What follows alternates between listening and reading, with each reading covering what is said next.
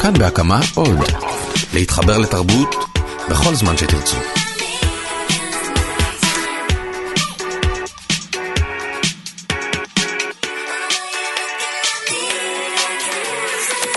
יש כל מיני דרכים לדעת שאת צריכה להתרחק ממישהו ושהוא אפס ושאת לא צריכה להעביר איתו את החיים שלך. למשל, אם כל יום יש לו פרצוף של מישהו שלא היו לו מים חמים במקלחת בבוקר, או אם הוא אומר אני מעריץ נשים. אבל הדרך הכי הכי טובה והנורת אזהרה שצריכה להידלק לך הכי מהר, אז אם אתם נוסעים ביחד לטיול, ואז הוא מחנה במגרש חניה חשוך את האוטו, עוצר ואומר Hello darkness my old friend. אתם על הפרק השני של יומן הצפייה שלנו בגרלס. אני צליל אברהם, איתי באולפן שלי גרוס, כתבת אופנה בלאישה, בלוגרית ומחברת הספר החיים ומה שלבשתי. היי שלי. היי. אם היה נגזר עלייך להחליף מלתחה עם מישהי בגרלס, מי זאת הייתה? וואו, אני מניחה שאימא של מרנה. וואי, אמהות מככבות פה ממש. תשעה פרקים נשארו לעונה האחרונה של גרלס, זה הפרק השני בעונה השישית, מתחילים.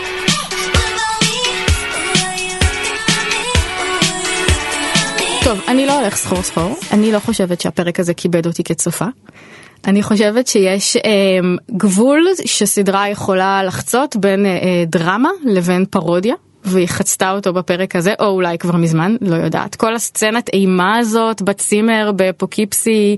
כן, אני לא חשבתי על זה ככה, אבל אני באמת הרגשתי שם אה, איזשהו אובדן דרך תסריטאי בפרק הזה.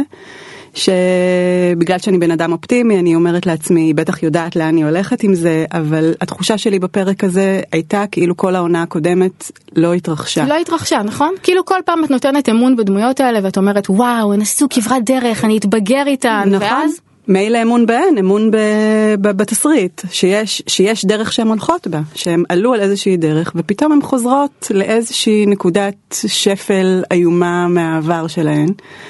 רואות את הבור ונופלות, רואות את הבור ונופלות. וזה גם גורם לי לחשוב כאילו לאן היא לוקחת את זה, זאת אומרת... אם היא יודעת לאן היא לוקחת את זה. אני מקווה שמה שקרה זה שהיא לקחה את זה רחוק מדי בעונה הקודמת, וכדי שהיא תוכל להכניס מספיק עלילה בעונה הזו, היא צריכה לקחת אותנו אחורה כדי להחזיר אותנו לאותה נקודה, כי... בעונה הקודמת קרו כל מיני דברים שכבר הרגישו כמו סוף טוב. כאילו זה התארגנות לסוף. כן. כאילו זה סדרה על התבגרות. סדרה על התבגרות טבעי שהסוף שלה יהיה שהדמויות. מתבגרות, שהן יתבגרו. Uh... ובאמת הגענו מאוד מאוד קרוב והיה נראה שזה קורה. אבל יש פה עוד משהו. וזה החוסר אמון שלה בדמויות שלה וחוסר אמפתיה שלה וזה שהיא תמיד לועגת להם ותמיד אנחנו רואים אותם מבחוץ ותמיד הן נורא מגוחכות וכאילו אה, היא כל הזמן מראה לנו כמה הן לא מסוגלות בכלל לשלוט בחיים שלהן וכמה הן לא מסוגלות לעשות שום דבר בשביל עצמן. ואם זה הקטע של הסדרה, אז הם לעולם לא יתבגרו, זה לא יגיע לשם. זו שאלה מאוד טובה, כי אני חושבת, כשאני מסתכלת על אה, לינה דנהאם מהצד, אני בטוחה, אני רואה באינסטגרם שלה שהיא התבגרה, היא התבגרה, היא כבר חיה את החיים ש, שהיא כנראה מאחלת לדמויות שלה.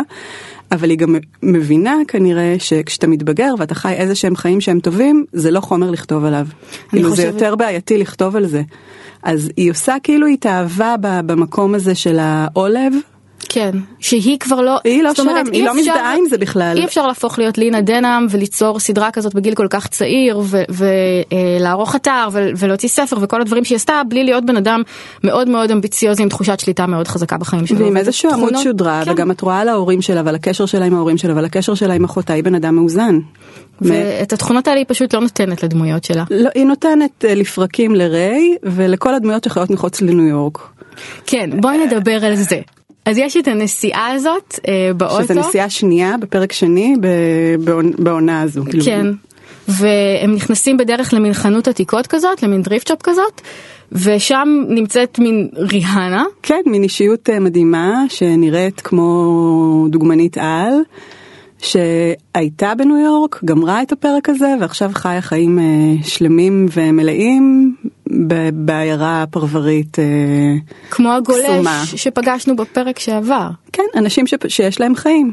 ונראה לי שזה מין תקופה כזאת, זה כמו שכשאת רווקה, אז כל פעם שאת רואה איזה בחור, יש לך מין איזה קול בראש כזה שאומר או, או לא או אולי, ואת כאילו תמיד, תמיד בבחינה כזאת כאילו. אז בתקופה שאת מחפשת את עצמך בחיים, כל בן אדם שאת רואה שיש לו חיים אחרים שלך, את אומרת, אה, ah, אולי זה מה שאני אעשה, אולי אני אהיה מדריכת גלישה, אולי אני אפתח חנות עתיקות באיזה כפר. כן, זה גיל כזה שאת חיה בדלתות מסתובבות כל הזמן, את כל הזמן אה, שוקלת אה, יקומים מקבילים ו... והחלטות אחרות. אבל אני באמת חושבת שמה שהיא רואה, הבועה שהיא כל הזמן אה, מציגה, היא באמת בועה שגורמת לך לרצות אה, לצאת ממנה.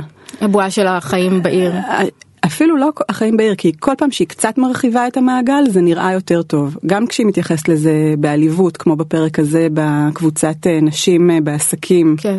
שהיא מתייחסת לזה כאילו זה דבר הכי פתטי שיש, אבל זה עדיין נראה הרבה יותר טוב ממה שיש uh, לדמויות שלה, ממה שהיא נותנת לדמויות שלה.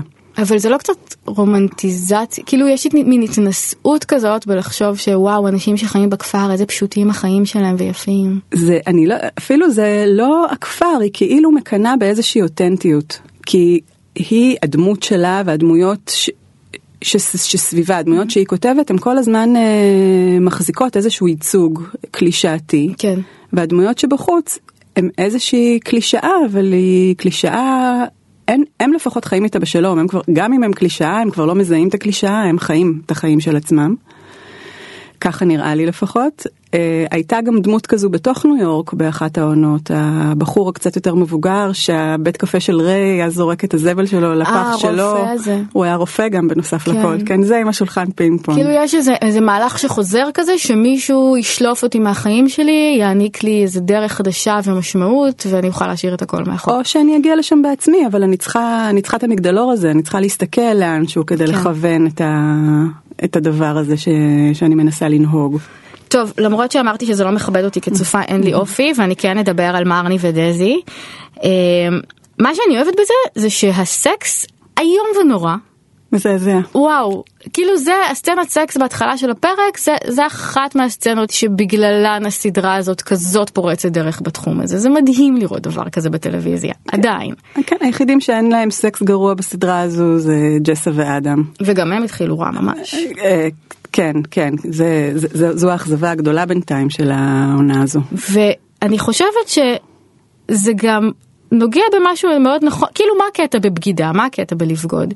שכאילו, זה הפשע המושלם, כי בכלל לא אכפת לך מהסקס, גם אם הסקס גרוע והבחור מעפן, את בכלל שואבת עונג מזה שהחיים שלך מעניינים, ושיש לך סוד, ויש לך משהו שאף אחד לא יודע.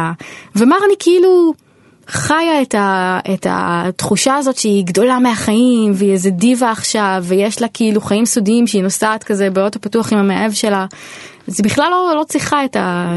לא, מרני ממש שהיא כל הזמן נכנסת לתפקידים ואני חושבת שאצלה זה אפילו זה אפילו לא עניין של חיים מעניינים אני חושבת שהיא דמות שכל מי שיגיד לה אני רוצה אותך היא תלך אחריו כי אין לה אין לה שום דרך אה, משל עצמה, גם היא לא, אין לה שום עניין בו. אני לא בטוחה אם יש לה עניין בריי, אני נורא קיוויתי בעונה הקודמת שיש שם עניין אמיתי, אבל זה מאוד לא ברור, והקטע הזה שהם מתחילים לנסוע, כאילו יש איך road trip צריך להיראות.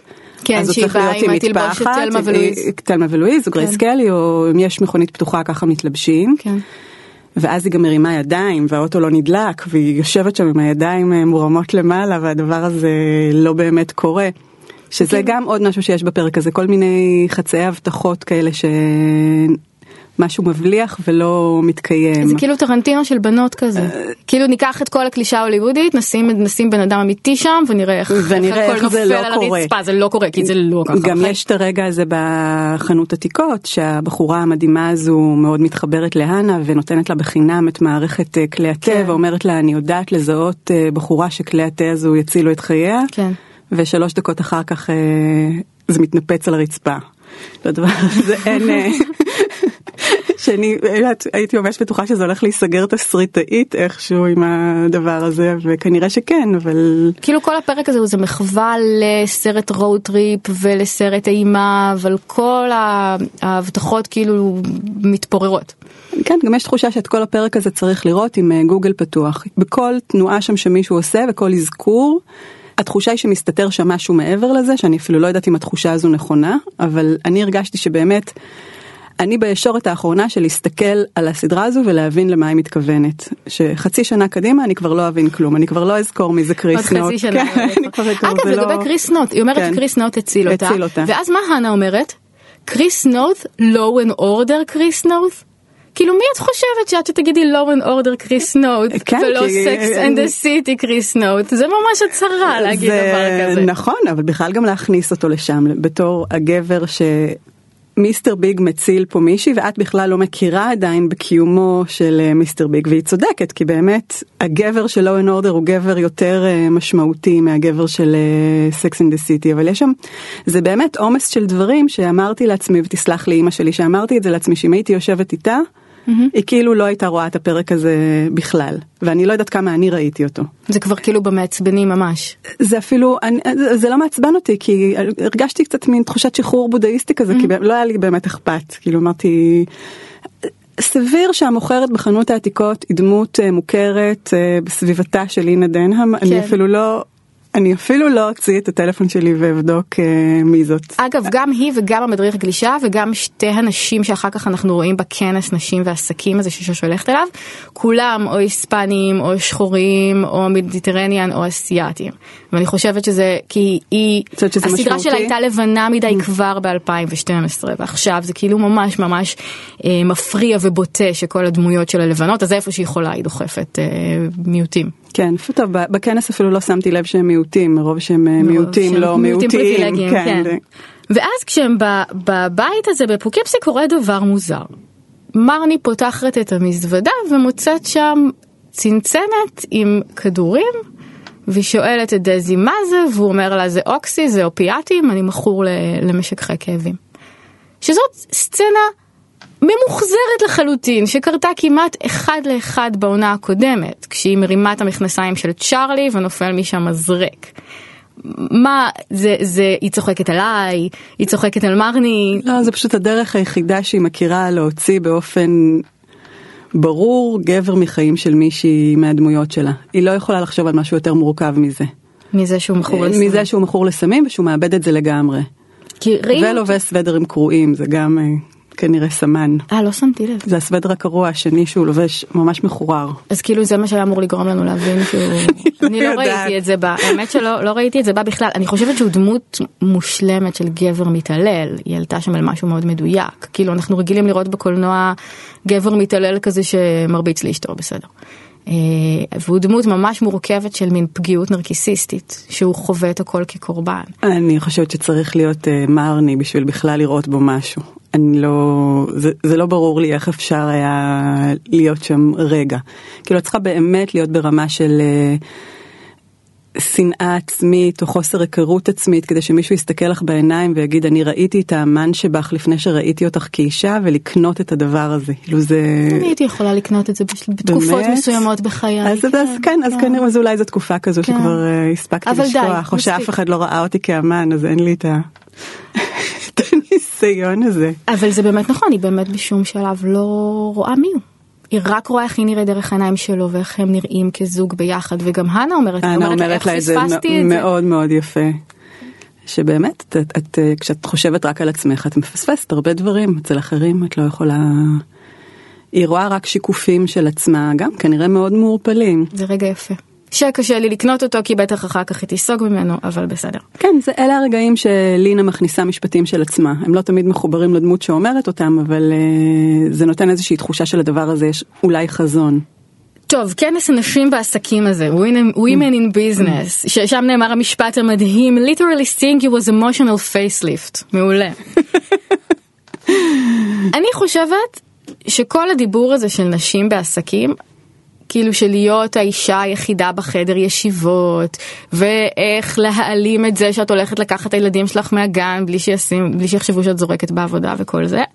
זה כאילו זה דיבור חשוב, אני מעריכה אותו, אני לוקחת חלק לפעמים, זה אחלה כאילו, שריל סנדברג וזה, אבל תכלס חצי מהפעמים שעושים את זה, עושים את זה כדי לנפנף. תמיד מין דילמות כזה של הייתי בכנס נורא חשוב בחו"ל והייתי צריכה להיכנס לחדר מלון של הקולגה שלי כי היינו צריכים להכין ביחד פרזנטציה ולא ידעתי מה יחשבו אם יראו אותי יוצאת מהחדר שלו. אחי ג'יין אוסטין. אני כל כך בכירה ועשירה יש לי כאלה צרות זוהרות ואימהות אחרות בגן פותחות עליי וחושבות שאני מזניחה כי יש לי קריירה תמיד זה נשמע לי כמו איזה הזדמנות לנפנף אבל אני אוהבת את שוש על זה שהיא הולכת לזה. אני שמחה שהיא הלכה לזה. כי היא מצאה מה היא רוצה לעשות, היא כאילו נדלקה על הקטע הזה של marketing, שזו בחירה די, די צפויה. וכמה שזה מגוחך, היא כאילו, היא לוקחת משהו ברצינות. שוש לוקחת משהו ברצינות מההתחלה. היא גם היחידה ש... שלא סובלת מכיעור סביבתי בכל הסדרה הזו. כולם גרים בדירות מכוערות. טוב, אין לנו ברירה, שלי. מה? עובדה ששוש מצליחה לפחות את המינימום של לסדר את הספרים שלה לפי צבע כדי שיהיה לה משהו נעים בעיניים, את זה היא עושה, וזה לא עולה כסף. ואני לא אומרת שזה הדרך היחידה לסדר ספרים, ממש לא, אבל איכשהו הדירות שלה, זה נראה קצת יותר מסודר, זה נראה קצת יותר נעים, הבגדים שלה נראים תמיד במצב הרבה יותר נקי משל האחרים, השיער שלה נראה חפוף. היא את מה שצריך לעשות עושה, היא כאילו יש לה איזושהי מיומנויות חיים בסיסיות שלשאר הדמויות פשוט אין. אנחנו רואים את מרני בפרק הראשון כשהיא קוראת בשירותים את המאמר של להנה, ואז היא לוקחת נייר טואלט, מגלגלת אותו לכדור קטן, ואני רק הסתכלתי על זה בעיניים של האימא של השחקנית כי אני בטוחה שזה לא היה פעולה שכתובה בתסריט ואמרתי לעצמי איפה טעית מישהו היה צריך ללמד את הבחורה הזו שהגיעה כבר מה, איך לגלגל את איך הנייר? משתמשים בנייר טואלט. אה, יותר מדי אינפורמציה על אליסון וויליאמס. כן, זה נורא. וואו, לא חשבתי על זה בכלל. תסתכלי על זה שוב, זה לא, אה. לא, לא יצא לך מהראש. אה, אני בטוחה ששוש יודעת איך משתמשים בנייר טואלט, אין לי ספק בזה. שוש מתקלחת אחרי, לדעתי. אה, כן, כך ראוי, ופה לשוש יש כיוון, תמיד יש לה כיוון, והיא גם תמיד יודעת להמציא את עצמה מחדש כשהכיוון הזה, כשהיא מגלה שהוא לא הכיוון הנכון שלה. אני חושבת שבאמת הדרך שנשארה לה לעשות, אם אני מהמרת נכון, זה להשלים עם ג'סה. או, כן. מה שקורה בפרק הזה ביניהן זה, זה מקסים בעיניי, זה כמו איזה היפוך. הרי שוש התחילה כדחקה. וכאילו הלכה סיבוב שלם וכל הדמויות הלכו סיבוב שלם, ככה שעכשיו הן הדחקה והיא היחידה שם שרצינית. והיא לוקחת את ג'סה איתה לדבר הזה. למרות שלא היה הכרחי לקחת אותה בשום צורה על הדבר הזה, היה אפשר להגיד לא, וגם הדמות של שוש הייתה מסוגלת כן. להגיד את הלא הזה, והיא לא אמרה. אז למה זה קורה? כי ג'סה היא מהפרק הראשון הקול קאזן. וכל הזמן שוש מנסה לרצות אותה ולהרשים אותה ושהיא תזמין אותה למקומות והיא כזה נורא מוחמאת שהיא באה לגור, לדיר, לגור בדירה שלה בהתחלה והיא כל הזמן מנסה ליישר קו עם הסטנדרטים של ג'סה. ופתאום זה הרגע שבו היא מבינה שהיא צריכה להעיף את הדבר הזה מהחיים שלה. כי ג'סה, וזה מה שקתרין האן אומרת לה בעונה ראשונה, היא דמות שלא מסוגלת לקחת שום דבר ברצינות. זה הקסם שלה. היא כאילו מלגלגת על כולם ועל הכל כל הזמן, וברור שהיא היא האדם היחיד שאסור לך לעולם לקחת לכנס כזה. כי הוא יצחק עליך ויצחק על השאיפות שלך ועל הניסיון שלך לעשות mingling ולהשיג networking ומה שאתה מנסה להשיג. ו... ואם אתה באמת רוצה משהו, אם אתה באמת רוצה להיכנס לאיזה תחום, או מה שהיא רוצה, קריירה בשיווק, אתה חייב קצת להשעות שיפוט. אתה חייב קצת להרשות לעצמך להיות פתטי, וקצת נכון. להתחנף קצת לאנשים, או קצת לעשות הצגות, וקצת לשחק את המשחק. היא לא יכולה לעשות את זה כשג'סה פוקחת אליה עין כל הזמן. אבל אני חושבת שהתפקיד של ג'סה שם אה, קצת יותר מורכב מזה. Mm-hmm. אם אני מתייחסת לג'סה גם של העונה הקודמת, שכבר רצתה ללמוד פסיכולוגיה, וכבר שהתחילה... שהתחילה בעצמה לתפוס את עצמה יותר ברצינות, ואז מה שאולי נשאר מהג'סה הישנה בתוך הסצנה הזו, זה העובדה שהיא היא גלאי מובהק של bullshit. וזה נכון ששוש לוקחת מאוד ברצינות את העניין של ה marketing, אבל כן. שתי הבנות האלה שעומדות שם מולה והן מבחינתה כרגע הפספוס הגדול שלה והדבר הבא שהיא רוצה לעשות, הן, הן, לא, הן, הן לא הדבר הנכון, הן לא הדבר האמיתי. bullshit טהור. כן. כן. אז כן היא אולי הייתה צריכה מישהי לידה ש, ש, שתגיד לה, בסדר, את הדבר האמיתי, את לא צריכה להסתכל החוצה על ה... שתי בחורות האלה ולחשוב שזה זה או כלום.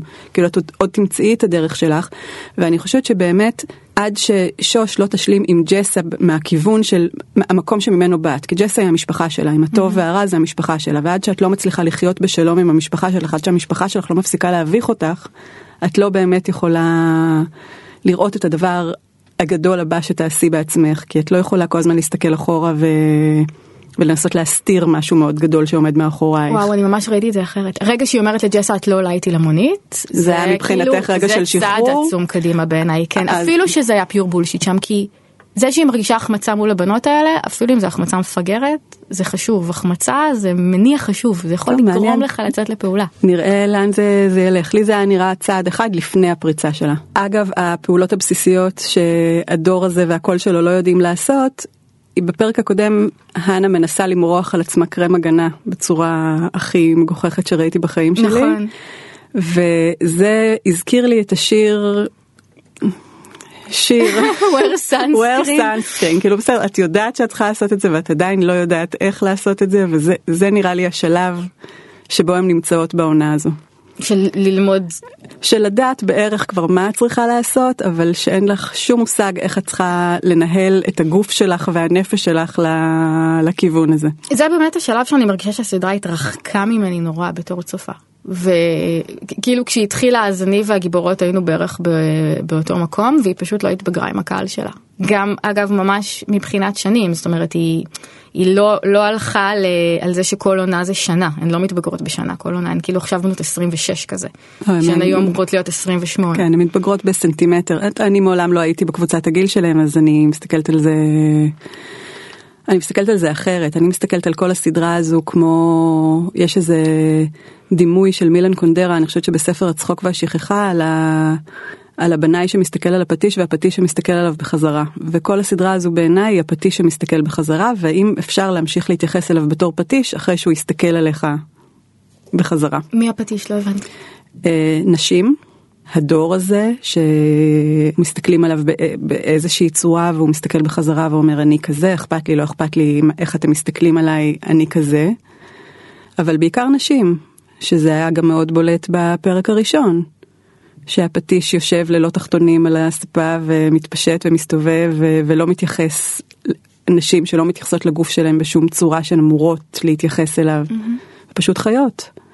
ומבחינתי לא משנה מה היא תעשה ואיזה טעויות היא תעשה וכמה היא תטריף אותי, זה דבר מאוד חשוב שהיא עושה. כן, אי אפשר לקחת ממנה את זה.